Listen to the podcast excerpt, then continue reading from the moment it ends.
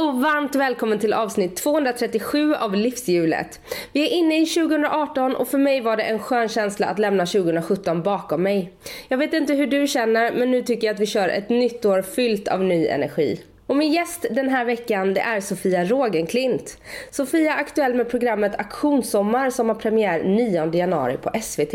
Och vi träffades veckan innan jul, dagen innan Sofia skulle ta bilen upp till föräldrahemmet Äppelbo i Dalarna för att fira jul med sina barn. Sofia är ju en riktig dalkulla och bodde där uppe även som vuxen med sin dåvarande man sångaren Patrik Isaksson och parets två barn. När Sofia och Patrik skilde sig flyttade hon ner till lägenhet i Stockholm och i veckans avsnitt berättar hon bland annat om den stora omställningen. Vi pratar också om Sofias karriär och vad hon har för drömmar kvar att förverkliga inom den. Om hennes nya kärlek och hur det funkar att vara serbo och pendla mellan Malmö och Stockholm. Om hur hon mobbades som ung och hur det har präglat henne.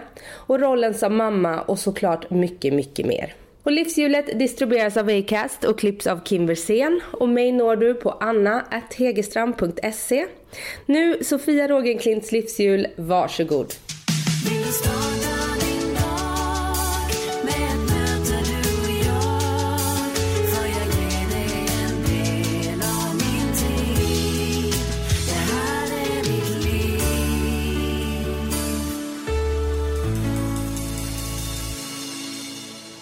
Välkommen hit till Livshjulet Sofia. Tack så mycket. Äntligen sitter vi här. Ja, det blev lite knas förra gången. Jag åkte på en vinterkräksjuka där som, ja. som ställde till det. Men nu är jag här. Ja, jag tyckte ändå det var starkt av dig för du mejlade på morgonen och försökte skjuta fram intervjun en halvtimme. ja, jag, jag, var, jag var lite risig men så tänkte jag att ja, men det kanske är någonting jag äter. Det kanske går över och sen ja. så. Nej, sen insåg jag att det var ingen idé att sätta sig på tunnelbanan och det är jag väldigt tacksam för att jag inte gjorde. Ja, nej men jag förstår det. Men det som är bra med vinterkräksjukan är ju att det oftast håller i sig väldigt kort. Mm, det gjorde det också. Mm. Hur mår du nu då när vi sitter här? Fyra dagar innan julafton. Ja, lite lite, småstressad. Vi, vi, ska åka till, till Dalarna imorgon och mm. jag har skjutit fram alla tråkiga saker till idag förutom den här intervjun. eh, så ska jag eh, massa praktiska som att handla det sista och eh, hämta saker som ungarna ska sälja för fotboll och sådana där saker som, som tar tid. Men eh, annars så ser jag fram emot en skön julledighet. Mm. Och när det här avsnittet släpps så har det redan varit jul och det har precis varit nyår också. Mm. Eh, och då måste jag ju fråga, vad, hur, när du tittar tillbaka på 2017, vad, vad tänker du då? Vad får du för känsla i kroppen? Jobb, jobb, jobb mm. är den känslan som jag får. Jag har haft tre, spelat in tre program som har gått eh, om varannat, eh, vartannat. Så att det, det har varit eh, intensivt och eh, väldigt lite ledigt. Så att eh, därav så ser jag fram ännu mer emot den ledigheten som, som väntar. Men det har varit roligt. Det har varit eh, ett år som har präglats av både glädje och, och sorg faktiskt. Eh, men eh, nu har pusslet eh, lagt sig så att nu känns det som att nu är det lugnt på alla håll. Det är alltid roligt att spela in tv och få göra de programmen som man vill men sen så så drabbades min mamma utav eh, lungcancer eh, under, under sommaren här. Men har blivit opererad och, och mår jättebra och cancern är borta. Men, men det, det är först nu som det känns som att allting kommer liksom i kappen. Mm. Och just mamma också. Har ni en nära relation din mamma? Ja det har vi. vi jag skulle vilja säga att vi är bästa kompisar. Mm.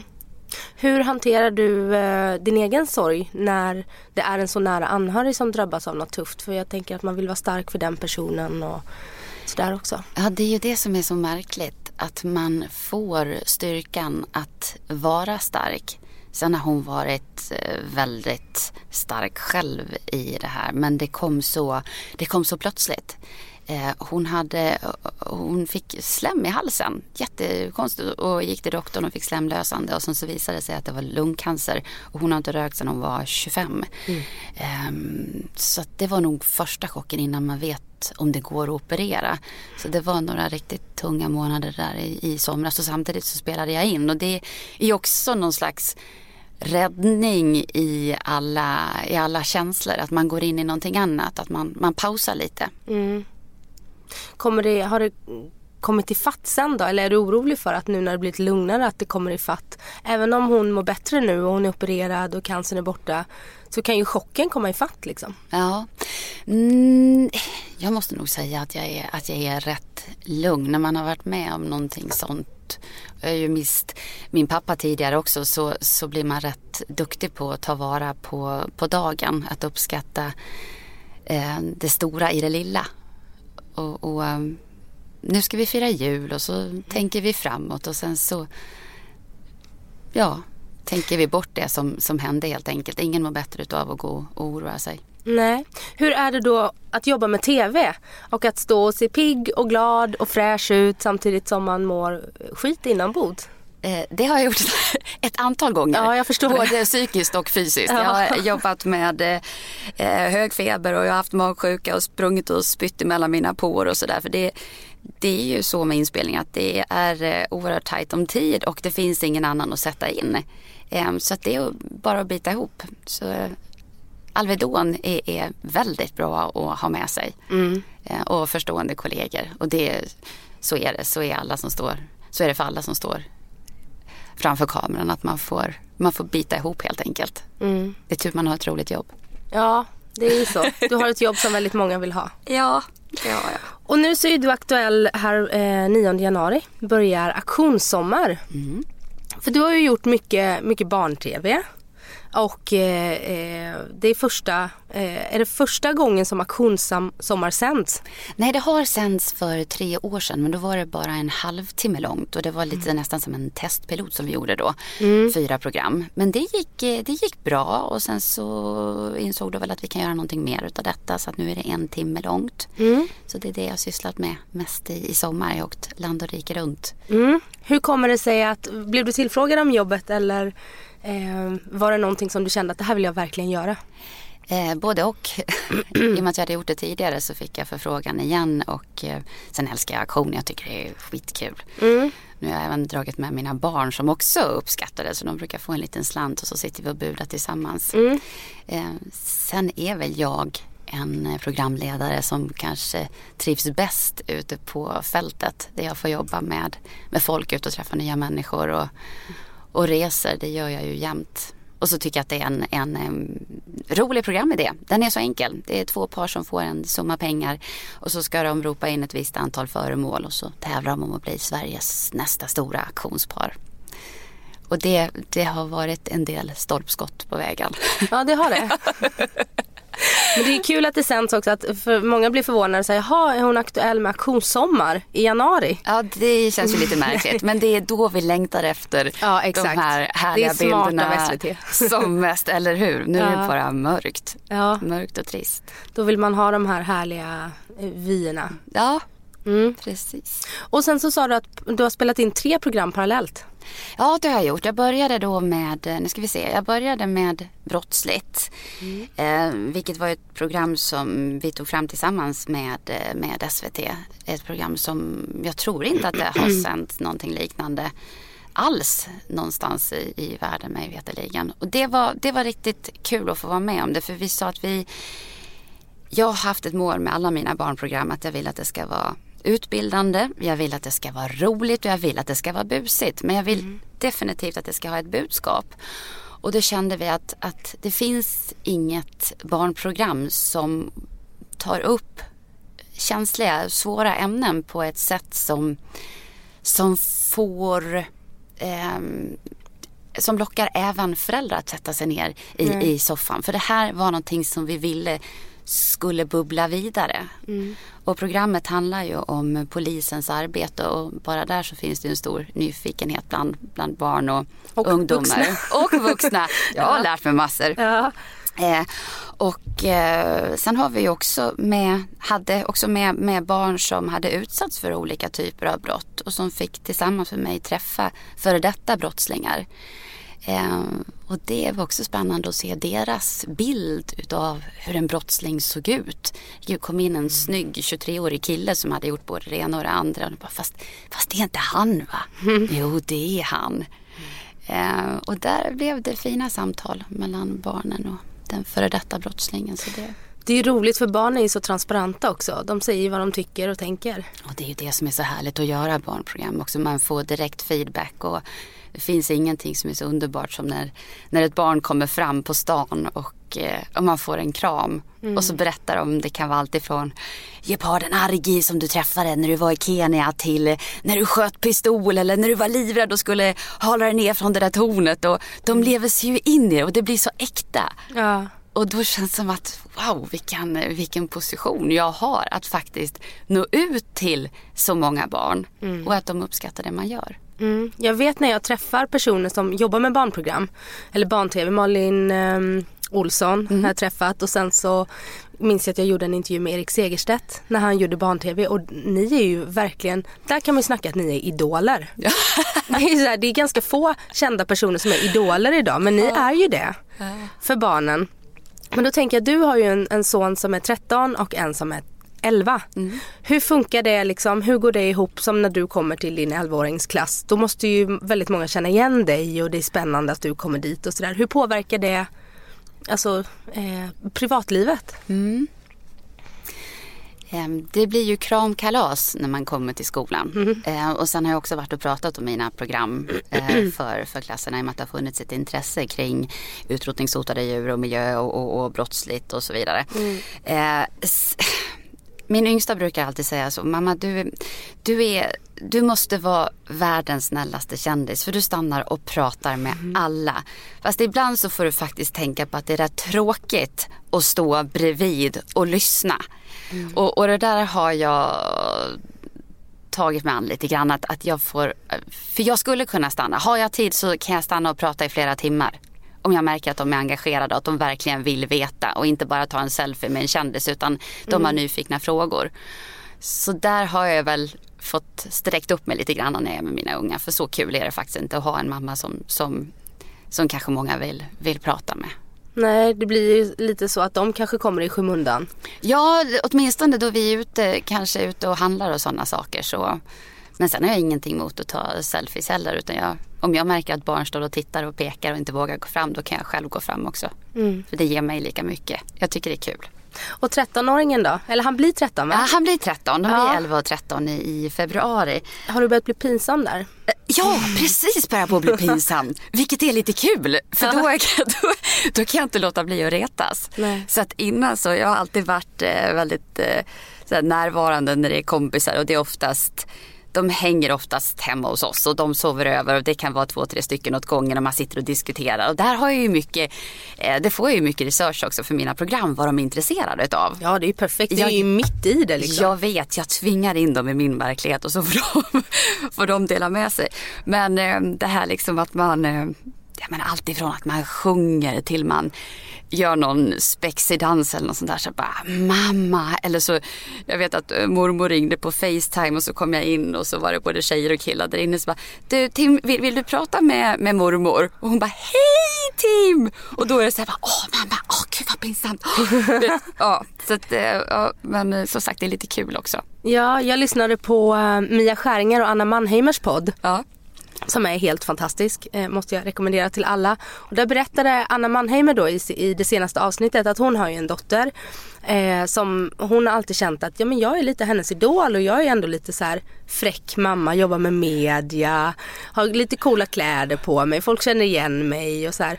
Och nu så har det kommit till att så här, hennes dotter är så här, nej du får inte följa med på avslutningen för hennes så här, kampsport eller vad det är, för att du är pinsam, sa hon rakt ut. Och hon tyckte det var så jobbigt. Vilket jag förstår, men då sa ju Mia att ja, men det är nog en sund utveckling. Det tror jag också. Man ska bli pinsam, för de frigör sig. Precis, och det är precis den åldern också som de befinner sig i nu. Mm. Men än så länge så får jag kramar och, och så, så det, och det hoppas jag håller i sig.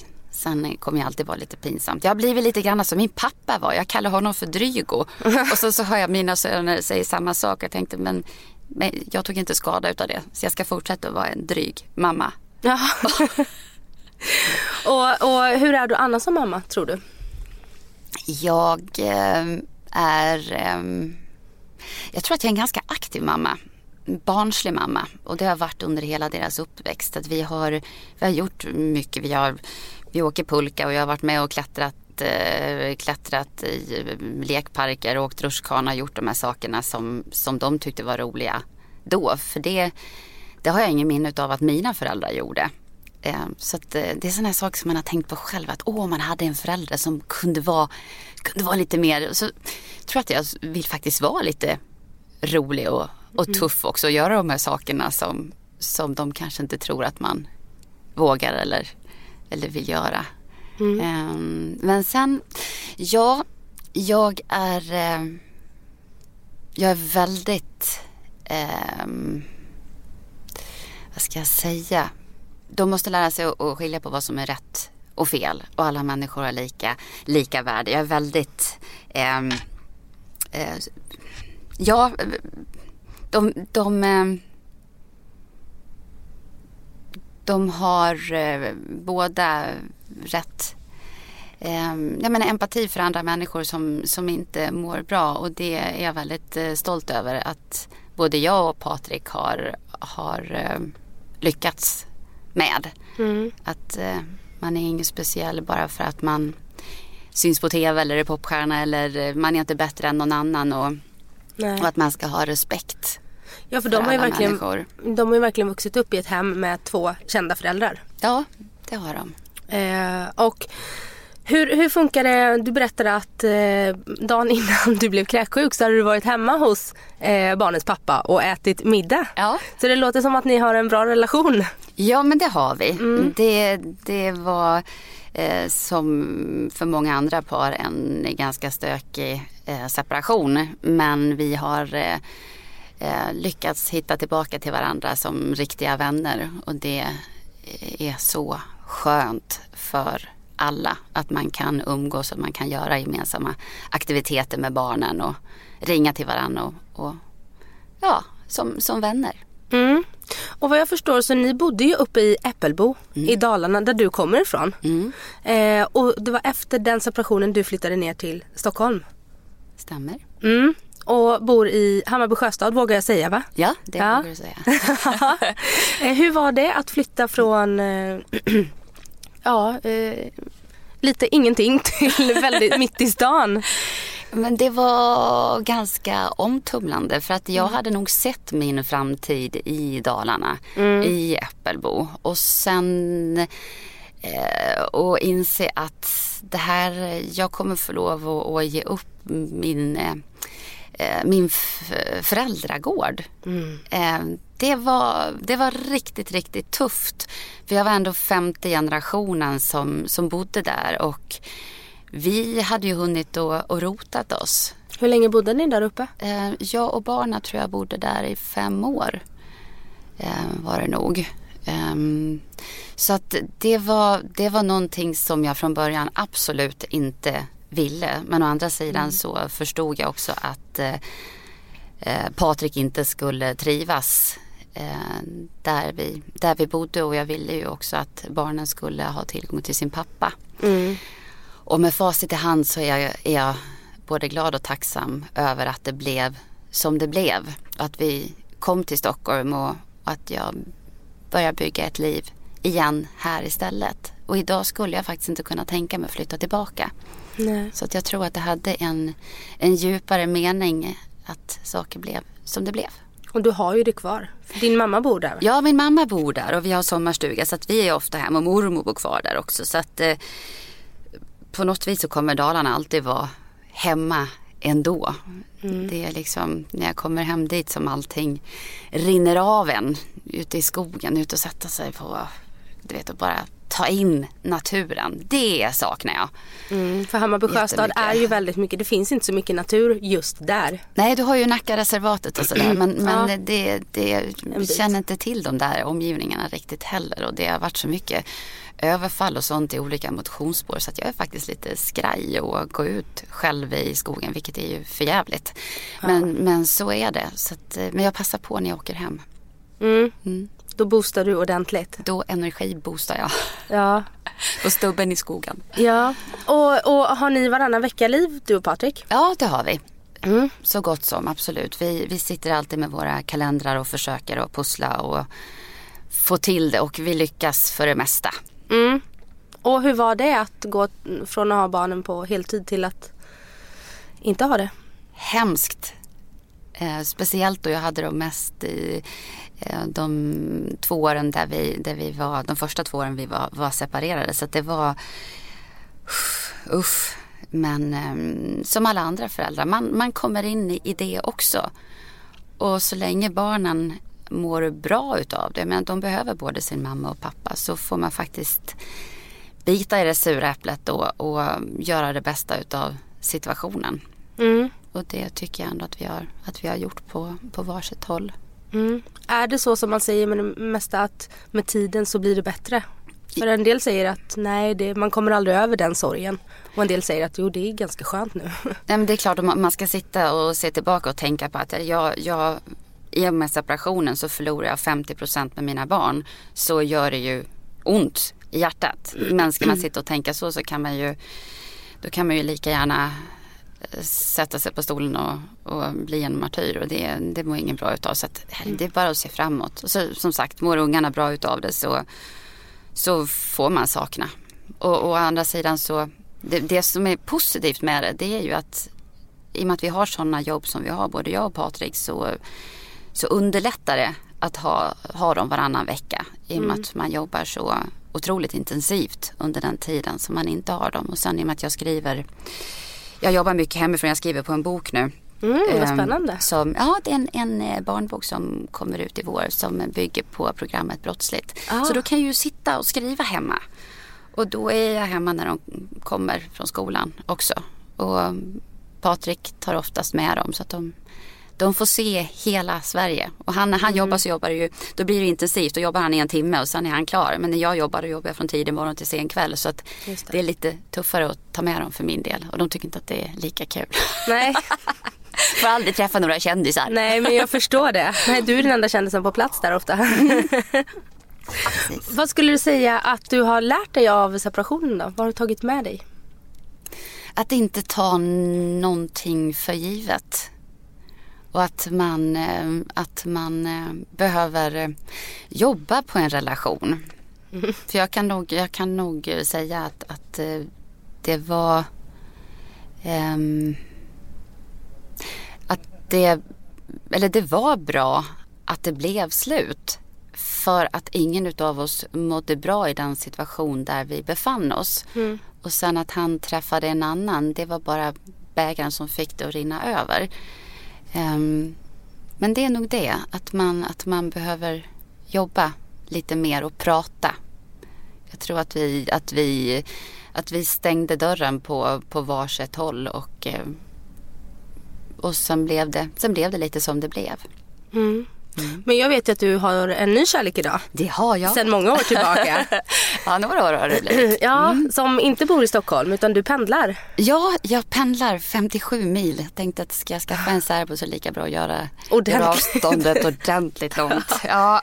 nere i Skåne, i Malmö? Eh, nere i Helsingborg. Helsingborg. Ja, mm. Rydebäck. Ja. Så vi, vi träffades eh, via gemensamma vänner och vi tänkte väl kanske inte riktigt att det, att det skulle bli vi just med tanke på avståndet och så. Men sen så kunde vi inte sluta prata och vi kunde inte sluta umgås och så sa vi att men, han är självständig, jag är självständig och vi det funkar, det funkar faktiskt jättebra. Mm. Peppar peppar ska man alltid säga. Ja. Men hur funkar det då med, för du sa att när, när du inte har barnen då kan du jobba jättemycket. Ja. Jag vet att du jobbar en del nerifrån Malmö också. Mm, det gör jag. Både du... brottsligt och djursjukhuset har jag utgått därifrån. Så vi har ändå träffats varannan vecka i över tre år nu. Ja. Och så nu är det lite andra planer. Vi håller på och eh, startar upp ett eh, projekt som heter SOS. Eh, som inte, hör, som inte har någonting med min relation att göra. Men vilket också gör att jag kommer jobba eh, fortsatt i Skåne och lite överallt i, i Sverige. Mm. Mm. SOS, är det ett, ett, nytt program då? Nej, det är det faktiskt inte. Utan eh, det var en idé som föddes efter eh, programmet Brottsligt. Mm så insåg jag ännu mer vilket stort behov barn och ungdomar har att prata om svåra och känsliga ämnen. Eh, och det här är någonting som jag har förnulat på under flera år men har känt att jag har en begränsad kunskap just i det området. Men jag skulle vilja göra någonting mer. Jag skulle vilja ut och möta de här barnen och ungdomarna. Så då eh, gick jag till min gamla terapeut mm. Susanne Lindén eh, som är samtalsterapeut och otroligt duktig på det hon gör. Och så pratade vi, började vi på att diskutera det här. Så att det, det var väl en kombination av, av våra livserfarenheter och svårigheter eh, i livet generellt och våra yrken som gjorde att vi sa att men, vi kör, vi gör någonting. Så det första vi ska göra nu det är faktiskt att gå ut i skolor och i idrottsföreningar och eh, prata om eh, ofredanden, sexuella övergrepp, eh, mobbing, eh, självskadebeteenden och så vidare. Mm. Eh, viktigt. Det är viktigt. Och, och jag tror också att eh, våran kombo är väldigt bra. Dels så har jag via mina tv-program jobbat både med och för barn och de känner igen mig och eh, Susanne jobbar ju dagligen med att hjälpa både barn och vuxna eh, genom samtal och vägledning. Så att, eh, det här tror jag stenhårt på. Jag är supertaggad. Mm, vad roligt. Och mm. roligt också att du gick till din gamla terapeut där man liksom är du är lite barn hos henne om du förstår vad jag menar. Ja, det... eh, och så nu så jobbar ni på, som kollegor på lika villkor. Ja, jo men det gör vi. Och det, det, ja, men vi som sagt vi, vi kompletterar varandra. Och det var ett tag sedan jag gick i terapi och vi förblev vänner och så vidare. Så vi har umgåtts ganska länge. Mm. Mm. Och du har ju berättat själv att du blev mobbad under din uppväxt. Mm. Eh, vad har det satt för spår i dig? Jag har eh, Jag är riktigt bra på att se när, eh, när barn mår dåligt och när barn, vilka barn som är utsatta. Det tror jag att vi i och för sig de, de flesta är när man går ut på en skolgård idag så kan man lätt se vilka som får vara med och vilka som, som står utanför. Ja det är så fruktansvärt. Ja, alltså barn kan det. vara så fruktansvärt elaka. Mm. Och det är ju, det, allting bygger på en rädsla att själv bli utsatt. Mm. Det är ju många av de här barnen som mobbar som inte alls vill egentligen. Men eh, som sagt, rädda för att själv bli mobbade. Mm. Och rent eh, när det kommer till att eh, lita på människor och lita på att man duger och känna sig älskad och hela den biten. Mm. Har den fått sig en törn av det? Ja det har det absolut fått. Jag menar jag drabbades av ätstörningar när jag var, vad var jag? 14-15 år. Så att, och det var väl en känsla av att inte duga och inte vara tillräckligt eh, duktig och, och så vidare. Men egentligen så är det ju jag själv då som har ställt de kraven på mig själv. Och det spelar ingen roll att jag gick ifrån sexan och var mobbad och blev en poppig tjej när man börjar högstadiet och så vidare. Utan det där, det där, sätter, sig, det där sätter sig rätt djupt. Mm. Hur, eh, hur pass illa var det eller hur länge var du sjuk? Eh, jag var sjuk i, eh, jag tror jag var sjuk i sju år faktiskt. Och det var ingen som visste om det då utan jag hade bulimi och då går man ju inte ner i vikt utan snarare tvärtom. Så man var ju så här, åh, åh du är så söt, sa de och nöp i kinden och tyckte man såg så otroligt eh, fräsch och, och frisk ut. Och du kände dig än mer misslyckad? Ja, det gjorde jag ju då. Men jag tog mig ju ur bulimin eh, med hjälp av terapi och MHE-kliniken i, i Mora. Och jag jag blev påkommen av min mamma som eh, kom upp i, i badrummet där jag stod och kräktes. Mm. Och sen så, sen så dog min pappa i samma veva. Eh, så att jag vet att jag lovade honom eh, att jag skulle ta tag i det och bli frisk. Mm. För att det var många, nu i efterhand så kan jag ju säga att det var många bortkastade år där tankarna kretsade kring just mat mm. och väldigt mycket ångest. Jag kan relatera till det för jag har också varit sjuk i ätstörningar. I anorexi och sen så eh, tog det väldigt lång tid. Ah, helt frisk blir man det. Det är också en definitionsfråga men, men eh, att man ändå blir fri från diagnosen eller vad man ska säga. Um, och just det här att man tänker att ja, men hur kunde det gå så lång tid utan att någon förstår? Mm. Uh, och du var ju ändå så pass ung uh, som 14 år bodde hemma mm. kan jag tänka då. Och att ingen ser men man blir väldigt duktig på att manipulera och sådär också. Ehm, Jätteduktig blir man. Man blir väldigt duktig på att ljuga. Och, mm. Eh, man skyddar ju sitt beroende till vilket pris som helst. Ja, för det här är ju någonting som man skäms för. Herregud, mm. det säger väl sig själv att man inte ska vräka i sig en massa mat och sen gå och spy upp det. Ja. Hur dum får man vara? Nej. Eller svälta sig själv. Det känns, alltså, kroppen mm. behöver mat. Vi mm. behöver mat för, för att leva. Ja. Men jag vet att mamma hade läst någon tidningsartikel om en eh, flicka som hade bulimi och hon kände igen beteendet. Det här mm. med, med humörsvängningar, att man kunde bli så fruktansvärt jäkla arg rätt som det var och att man, att man blev ledsen och att man stängde in sig och, mm. och att det här med maten, att helt plötsligt så, så åt man jättemycket och sen nästa dag så skulle man banta mm. och så vidare. Men, men det är intressant att du säger att kan man bli helt frisk? För det, det trodde inte jag att man kunde bli och speciellt inte när jag hade haft det under så lång tid. Mm. Men jag är helt övertygad om att om man får professionell hjälp att man kan bli det. Jag har inga sjuka tankar idag. Jag äter precis vad jag vill och jag pratar väldigt mycket med mm. Jag har pratat väldigt mycket med barn och ungdomar men jag tror inte att man kan bli helt frisk själv. För att Nej. det sitter så djupt i huvudet. Ja och ju längre man, man, eh, man är inne i det här beteendet desto djupare sätter det sig. Det är därför det är viktigt att få hjälp fort. Ja, För att det inte ska hinna rota sig så, så djupt. Precis. Men så idag så känner du dig helt fri? Ja, det gör jag. Sen så mm. Eh, vet jag att när jag blir frisk så rasar jag i vikt. Jag är, idag är jag, tycker jag själv, för smal. Men jag har en ämnesomsättning som, som är eh, hög och jag har faktiskt mm. gått och kollat mig om det är någonting som är galet. För jag kan i stort sett äta precis vad som helst utan att gå upp. Och det är ju inte heller kul att vara för smal. Så att jag eh, går in i mina träningsperioder där jag tror att jag ska bli lite mer muskulös och så tröttnar jag efter. så tröttnar jag efter ett tag och så är jag tillbaka till samma gamla visa. Men jag kommer ja. nog alltid vara på och av tror jag. Ja, men det är också roligt för folk säger ju det liksom att men det är så konstigt att du blir sjuk för du är ju så smal. Mm. Och så här, men du tycker ju om mat så mycket. Jo, fast det handlar ju inte om det. Det är ju bara psykiskt liksom. Oh. Gör det. Men är det, är det många som kan ha liksom så här, har du varit orolig för att folk så här, ja bara de inte tror att jag har några problem nu. För ja, att jag ser ut som jag gör. I början, jag var ju frisk då i början av 20-årsåldern, 22, pappa dog när jag var 23. Så det måste vara, ja 23 måste jag ha blivit eh, friskförklarad. Mm. Eh, och då jag var jag så irriterad. Dels så tänkte jag så här, nu har jag gått och fått eh, behandling eller så, terapi och, mm. och så vidare. Och jag har kämpat som ett svin för att komma, för att bli helt frisk. Behöver jag kämpa nu för att övertyga min omgivning för att jag blivit mm. smal? Mm. För det var så här, ah, nu har hon fått anorexi. Du ser ju, hon är ju 10 kilo lättare. Uh, och det vet jag var, var skitjobbigt. Idag bryr jag mig inte. Det är ofta som jag säger, åh min mormor brukar säga så här, ah, men gud nu är du sådär smal igen Sofia. Ja, det är jag. Men du ser att jag äter och, mm. vet, och, och det, det är ju bara omtanke. Ja såklart. Men. Och sen var ju du med i Fröken Sverige. Några år efter det här. Ja det var jag faktiskt. Ja. Wow. ja. Och kom trea. Ja. Vem var det som vann det året? Um, nu ska vi se här.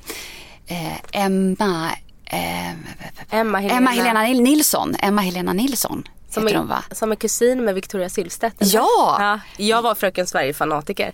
Det var, var det första jag såg dig i. Ja gud jag hade allt va? inspelat. Ja, ja.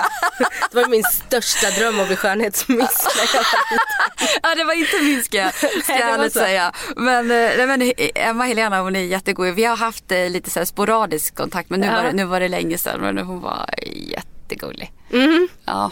Och eh, hur, hur var det att vara med med hela det här eh, kan tänka mig att man ska ju vara duktig flicka och man ska se väldigt bra ut. Det är väldigt så här eh, eh omodern tävling idag. Ja, alltså det var det var helt galet när jag tänker efter. För att de som känner mig eh, skulle aldrig...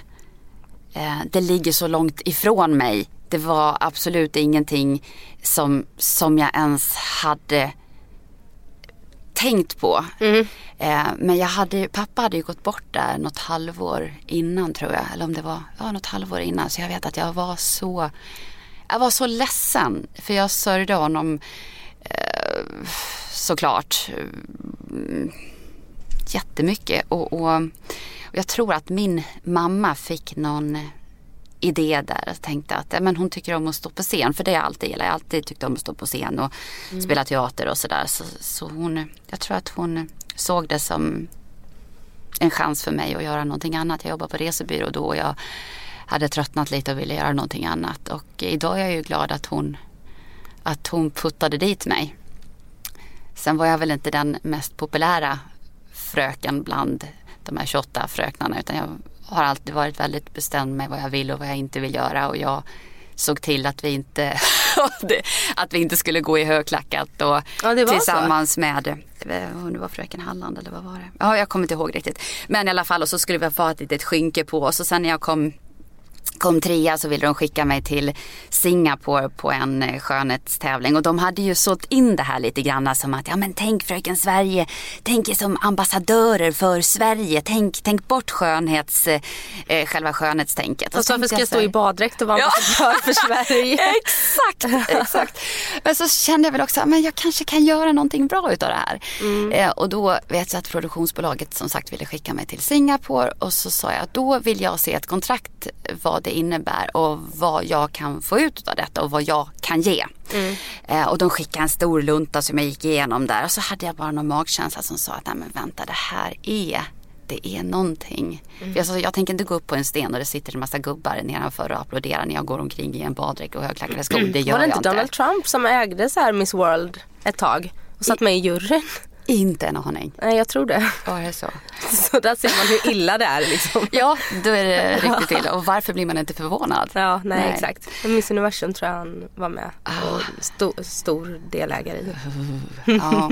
Nej men jag, jag fick dem att skicka en video i alla fall ifrån Singapore och eh, så var det precis som jag hade trott. Att det var en massa lättklädda tjejer mm. som gick runt på en scen. Så då sa jag nej och bröt kontraktet och det vart ett jäkla liv.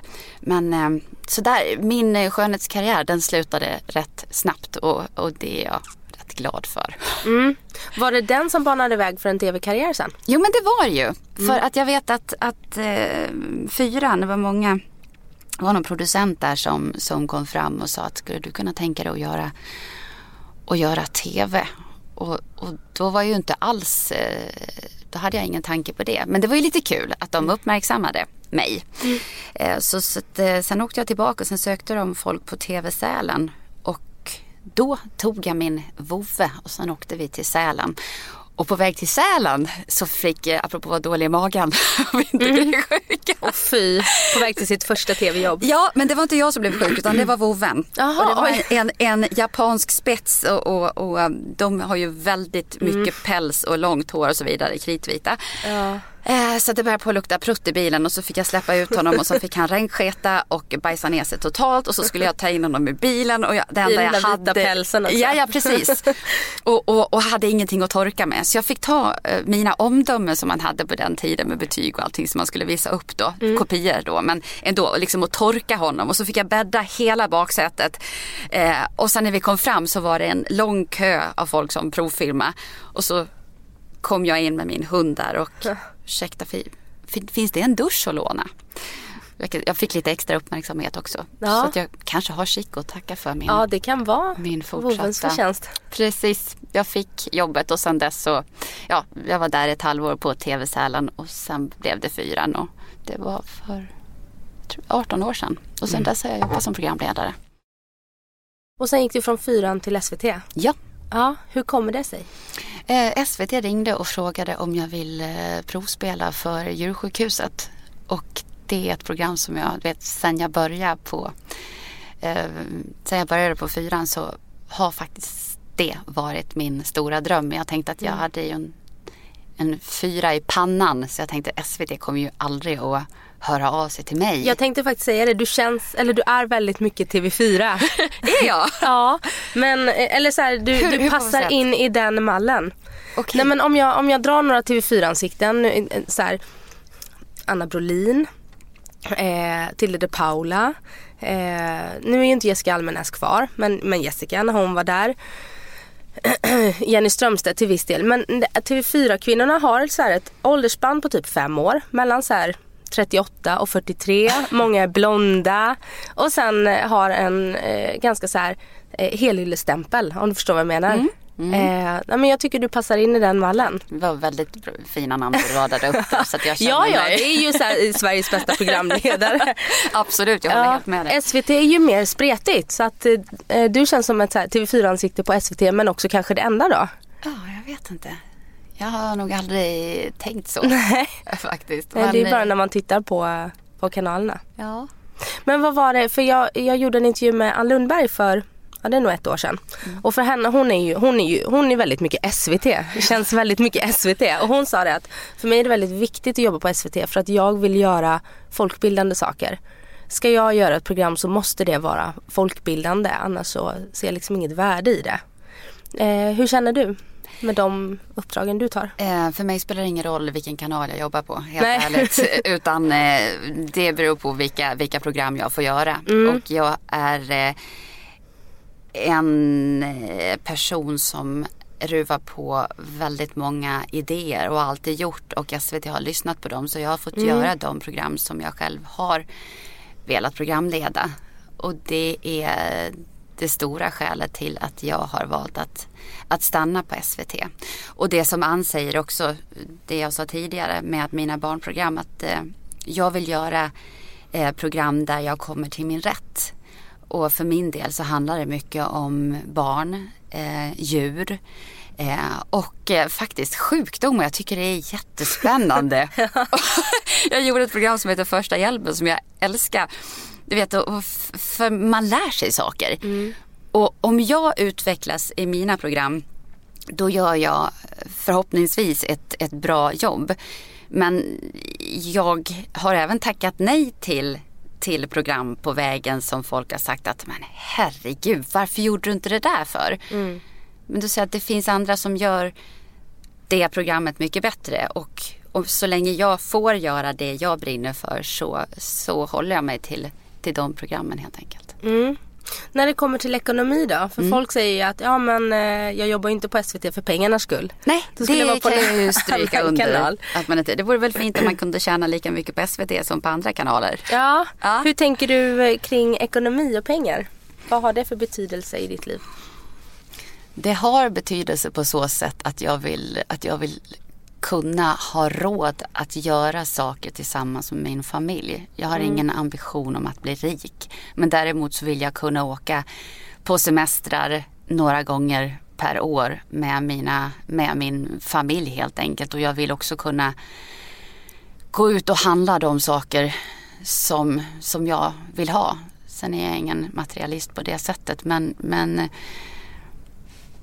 jag har kommit fram till att det är viktigare att få göra de saker som man eh, är passionerad mm. för att göra och det tycker jag ändå att jag, att jag får. Sen har jag ju eh, olika mål som jag fortfarande inte har uppfyllt men det har mer att göra med andra typer av uppdrag mm. än, än det jag gör idag. Till exempel? No. Till exempel så eh, spelade jag en musikal här för eh, ett par år sedan. Sound of Music. Sound of Music och det är ju den största utmaningen jag har tagit mig an. Eh, och det är, ja, ja men det, det, det är helt obeskrivligt. Den känslan att få stå på en scen tillsammans med en ensemble och eh, njuta utav både samspelet och, och mellan alla aktörer tills att möta publiken. Mm. Det, och det är väl något, det är ju en dröm som jag har haft sedan jag var liten. Ja.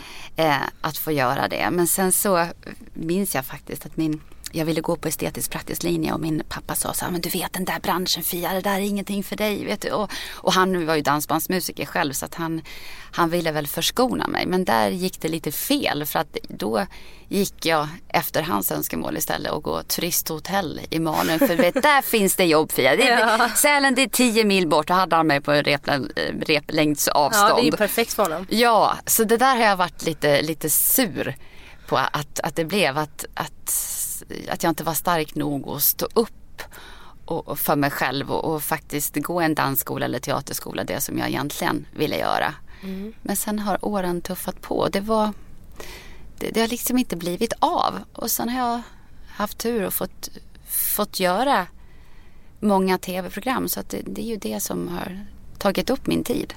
Men finns det musikaldrömmar kvar då så att du vill göra något mer? Det hade varit jättekul. Jag har inte gått på någon audition efter det men jag, det, jag säger alltid att jag ska, jag ska. Eh, men eh, det här året blir lite spännande för att jag eh, jag har än så länge inte signat något kontrakt.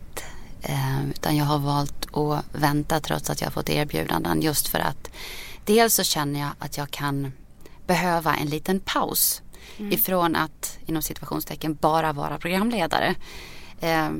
Man blir lite insnöad kan jag tycka när man, när man går från ett program till ett annat. Jag vill ut i, ut, eh, ja men som SOS. Jag vill ut och träffa barn och ungdomar. Jag vill göra mm. skillnad.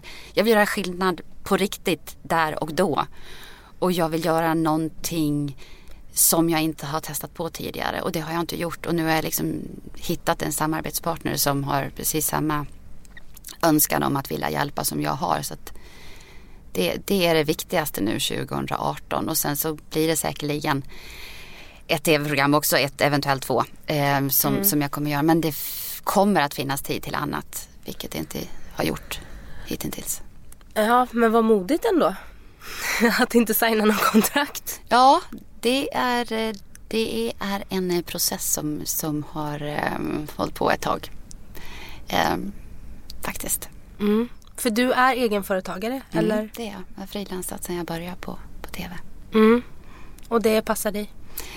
Ja, jag sitter väl som alla andra och, och biter på naglarna när, när inte telefonen ringer. Mm. Ofta så blir det ketchup-effekten att först kommer inget, sen kommer allt. Sen har jag haft, eh, sen har jag haft eh, långa kontrakt på SVT nu de, de sista åren men det innebär också att det är väldigt många saker som man måste göra avkall på. Jag har fått tackat nej till, till roliga erbjudanden som jag inte längre är beredd att tacka nej till. Mm, för att det inte ska bli reklam? Alltså, ja, precis. Ja. Det, det, är väldigt strikta eh, mossiga regler.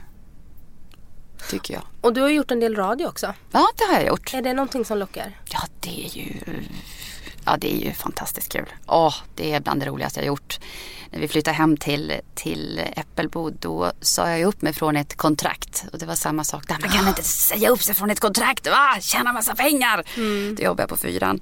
Men då valde jag att göra det också för att jag kände att nu är det dags för, för en paus. Eh, och jag tyckte, inte att det var, jag tyckte inte att det var roligt längre att ställa mig framför kameran och då har man ingenting där att göra. Nej, det syns ju. Det syns och framförallt så är det ett fantastiskt jobb och har man tappat lusten till det då, då ska man ut. Mm, ja. ja, så att eh, då fick jag panik. Först då så sa jag upp mig och så var jag så himla stursk och jag kände mig så stark och, och så gick det tre dagar så jag minns så väl jag satt hemma vid köksbordet och bara har jag gjort? Herregud, jag har sagt upp mig. Jag är säkert lika dum som de säger. Jag kommer aldrig få ett jobb. Och vad kan jag göra som har jobbat med tv i tio år? Och, för, oh, och sen så kom jag på det här med radio. För de hade ju intervjuat mig flera gånger på P4. Och de var så himla härliga de som jobbade där. Så då skrev jag en massa programidéer. Och så bombarderade jag radiochefen med de här. Och till slut så tyckte han att jag var så jobbig tror jag. Så att han, han bara, ja, jag kör. Kom in och testa. Och så gjorde vi det. Och vi blev, vi blev faktiskt det mest lyssnade förmiddag, eh, förmiddagsprogrammet mellan 9 och 11. Eh, den, den perioden. Så det var, det var kul. Vi fick ett kvitto på att det vi gjorde var, var bra. Mm. Och det var en enorm skillnad att gå från TV4 och vara väldigt manusbunden och eh, gå till, till radion. Mm. Jag minns första intervjun vi skulle göra så hade jag ju alltid påläst. Så jag hade ett papper med 20 frågor. Jag vet inte om det var en läkare, vi skulle prata om cancer eller vad det var för någonting. Och så eh, kom jag in och så tittar den andra programledaren på mig och så bara, vad, vad är det där för någonting? Jag bara, nej men det är frågor. Han bara, får jag kolla? Ja, och så tog han det och så rev han sönder mitt manus och så la han det i papperskorgen och sen så pekade han på öronen och så sa han, lyssna bara. Du, du, du är så nyfiken i dig själv, du behöver ingen manus. Mm. Och det var en befrielse. Och bara kunde lita på att min egen nyfikenhet skulle räcka. Mm. Idag har jag ingen manus. Jag har inte haft manus på pågår och så, som, beroende på vilken producent man jobbar med så får man ju ett manus som man själv mm. skriver om till sina egna ord. Men annars så går ju allting på spontanitet och nyfikenhet. Mm. Och det tror jag är väldigt viktigt också. Jag tror att det är lätt att tappa bort sig själv. Eller jag tappade bort mig själv i, i de här programmen som, som jag gjorde. Jag vet att jag gjorde frågesportsprogram och vi spelade in tre, fyra program per dag och det gick, det var liksom du kan bara säga så här för sen är tiden slut och det här och det här och det här och du, till slut så är det så här Nej, det var inte kul. Det blev inget kreativt. Nej, det blev, det blev inget kreativt. Sen det viktigaste, eh, det viktigaste liksom egenskapen en programledare eller journalist ska ha det är ju förmågan att kunna lyssna.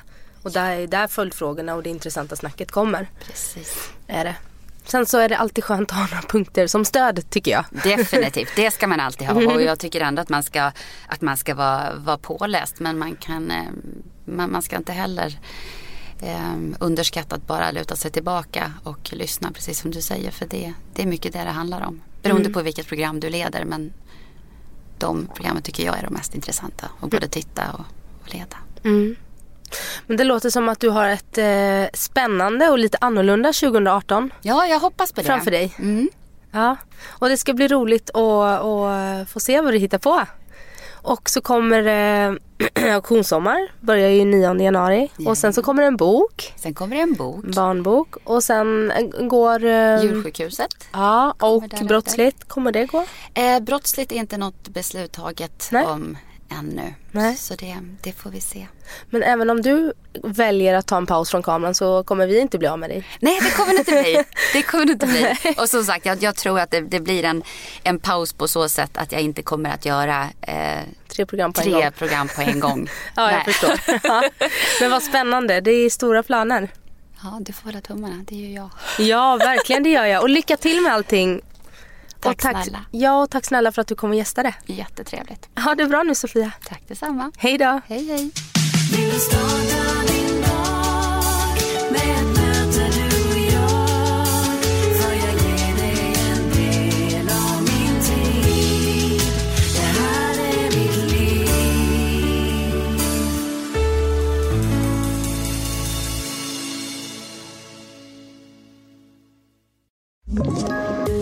Poddtips från Podplay. I podden Något Kaiko garanterar östgötarna Brutti och jag, Davva, dig en stor dos skratt. Där följer jag pladask för köttätandet igen. Man är lite som en jävla vampyr. Man har fått lite blodsmak och då måste man ha mer. Udda spaningar, fängslande anekdoter och en och annan arg rant. Jag måste ha mitt kaffe på morgonen för annars är jag ingen trevlig människa. Då är du ingen trevlig människa, punkt. Något Kaiko, hör du på Podplay. Därför är gardinerna.